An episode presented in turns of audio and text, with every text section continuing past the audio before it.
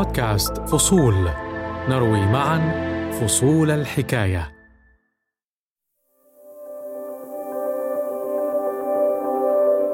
عشرين عشرين. لم يكن عاما سهلا. ثلث سكان العالم جلسوا في المنزل لفترة طويلة. وبعد أسابيع قليلة من بداية الوباء أدركت العائلات شيئا. أن الأسابيع قد تمتد لشهور.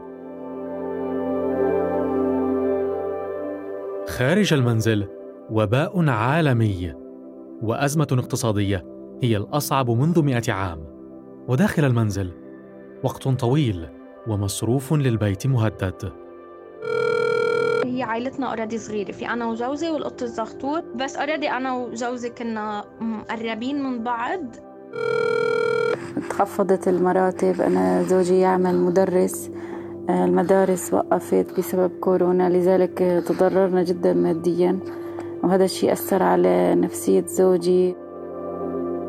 على مدى الأسابيع الماضية استمعت زميلتي دعاء فريد إلى فصول من قصص عائلات قربتها أو أبعدتها كورونا. أهلا محمود. التأثير لم يكن فقط على مستوى القرب والبعد ولكن تبعات الجائحة نفسها أثرت على أهم شيء في البيوت وهو المصروف. في العالم العربي نصف السكان تأثرت أجورهم بفيروس كورونا والحل الذي وجدته العائلات كان التوفير وربط الحزام. الحال هو الحال في العالم كله. في أمريكا مثلا ارتفعت معدلات الادخار إلى أعلى مستوى على الإطلاق وكذلك في بريطانيا واليابان قللت العائلات ما تصرفه بمستويات لم نشهدها من قبل.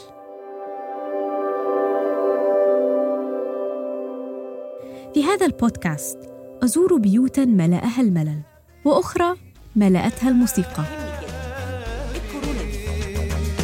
بلغونا إن في مرض اسمه كورونا. من كل العالم دول فصلونا ده برضه كمان الاحباب وحشونا. اوعى الكورونا بلغونا إن في مرض اسمه كورونا. من كل العالم دول فصلونا ده برضه كمان الاحباب وحشونا. اوعى الكورونا الكورونا في الاساس شيكولاته وفي بلاد 16 and a half million shares of stock sold in a single day. Sold hopelessly, desperately, at any price.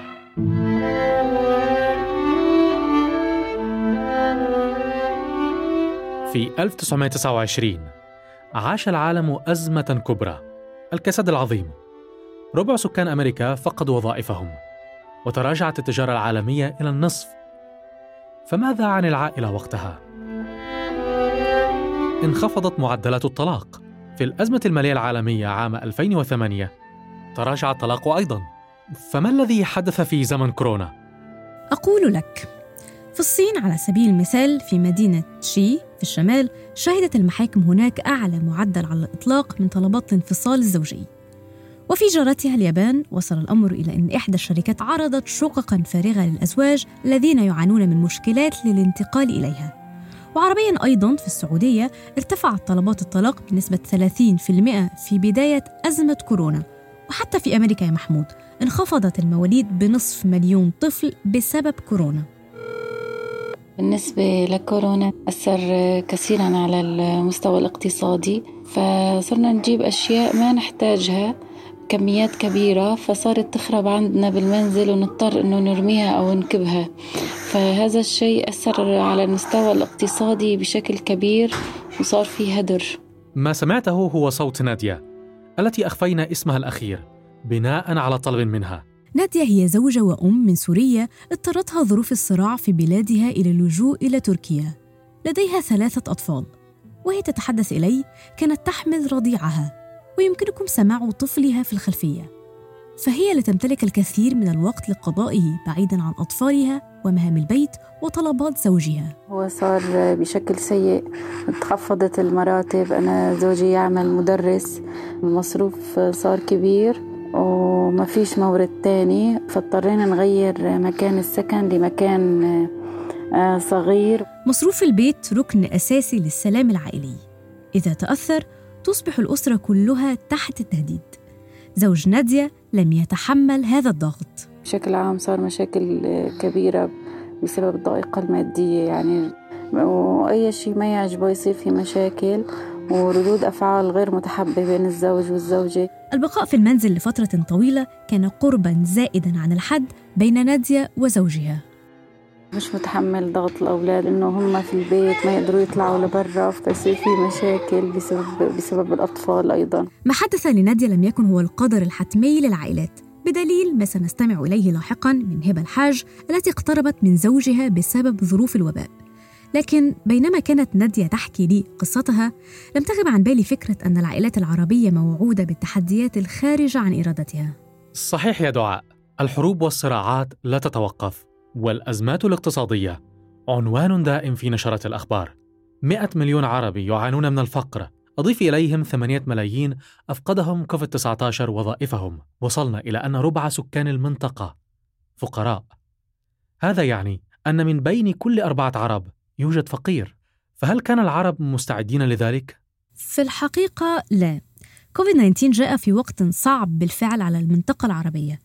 في الخمس سنوات الماضية انهارت اقتصادات وعجزت موازنات وشرد الملايين والعائلات العربية كان حلها الوحيد التدبير. في ظل فترات الأزمات الاقتصادية آه، فالأسر بتقوم بالتوقف عن شراء السلع والخدمات التي آه، لا تجلب منافع كثيرة. إنفاق الأسر يمثل 60% من حجم الاقتصاد العالمي. الأرقام هنا لا تكذب. أردت أن أجد رصدا دقيقا لما حدث للعائلات ماديا. لذلك تحدثت إلى محمد سليمان وهو زميل بمعهد الشرق الأوسط بواشنطن. تبقى الأولويات الخاصة بالأسر يحاولوا يحافظوا على مستواهم الاجتماعي. مش هنشوف كل آه، الصرف على آه، سلع وخدمات زي آه، ما كنا في مرحلة ما قبل كورونا. هل العائلات سواء في تأثرها بفيروس كورونا؟ ليسوا سواء يا محمود. لم أحصل على أرقام محددة لذا بحثت عنها عند الأربعة الكبار. the Big Four أو الأربعة الكبار هم شركات الحسابات الأكبر في وول ستريت بي دبليو سي وإرنست يونغ قصت التغير الذي حدث في إنفاق الأسر في الشرق الأوسط. 50% من الأفراد تأثرت أجورهم بفيروس كورونا و30% اتجهوا للادخار وينوون الاستمرار في تقليل الإنفاق حتى إذا انفرجت الأزمة. ما فهمته أن الوباء ضرب المنطقة العربية التي لم تكن مستعدة لتحمل تبعاته الاقتصادية وخلق ذلك ضغوطا اجتماعية على أسر كانت تعاني بالأساس. لكن هل هذا هو التأثير الوحيد لكورونا؟ مثلما تفككت عائلات وجدت عائلات أخرى في الوباء فرصة للترابط أكثر. في الإمارات على سبيل المثال خرجت الصحف بعناوين تقول كورونا له الفضل في ارتفاع نسب الصلح في الخلافات الزوجية. دعني أخبرك عن زوجين أخذ البقاء في المنزل لمستوى آخر.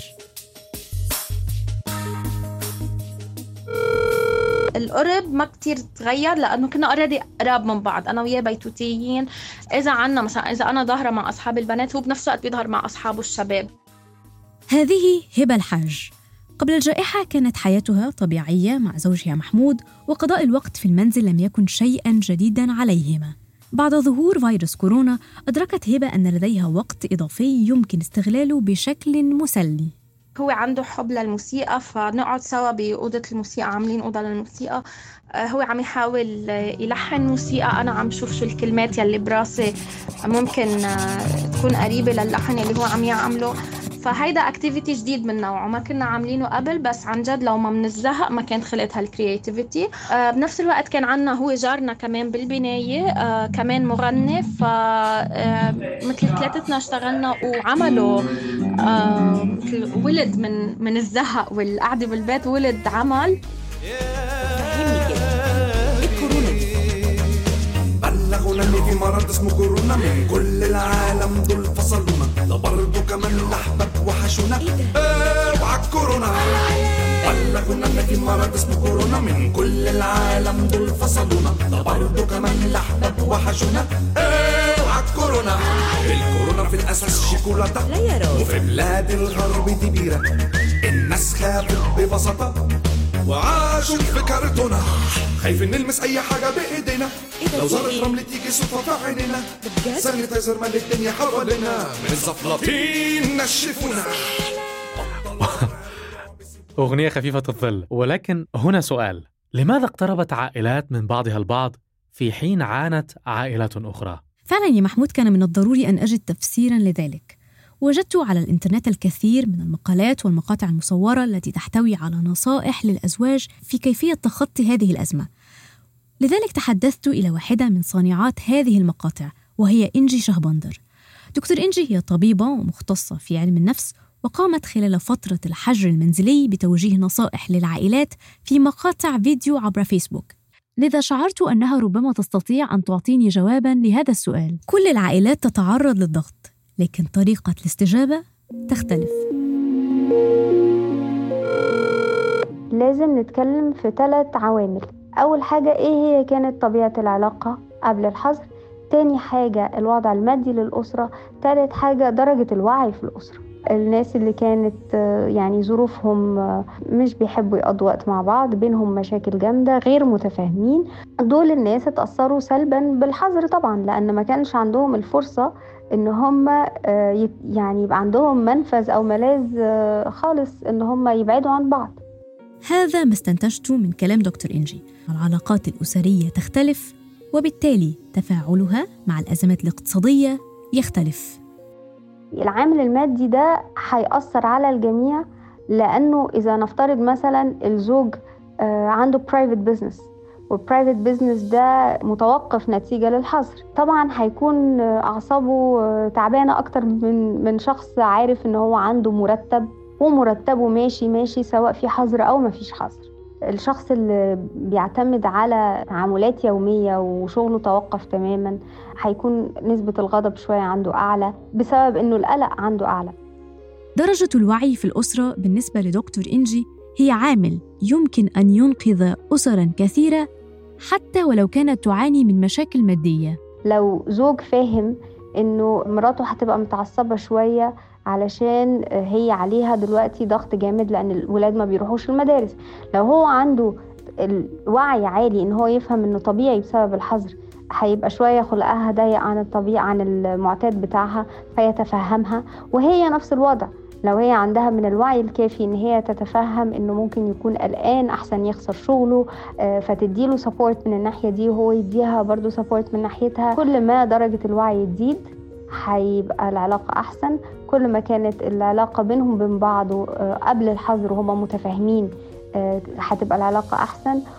وطبعا لما ال stress بتاع الأمور المادية يكون أقل العلاقة كمان هتكون أفضل.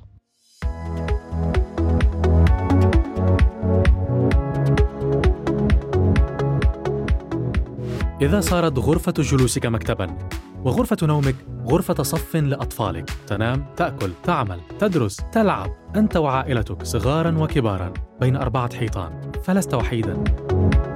في عام الوباء المعركة مع الفيروس لم تكن طبية فقط بل اقتصادية وعائلية أيضا. والنصر لم يكن أن ننجو بأجسامنا سليمة فقط بل بقلوبنا وعلاقاتنا مع من يهموننا. أنا محمود الشعراوي.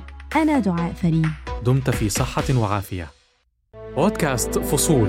يأتيكم من شبكة الشرق الأوسط للإرسال. اشتركوا على أبل بودكاست جوجل بودكاست وساوند كلاود لتصلكم الحلقات صباح كل اثنين.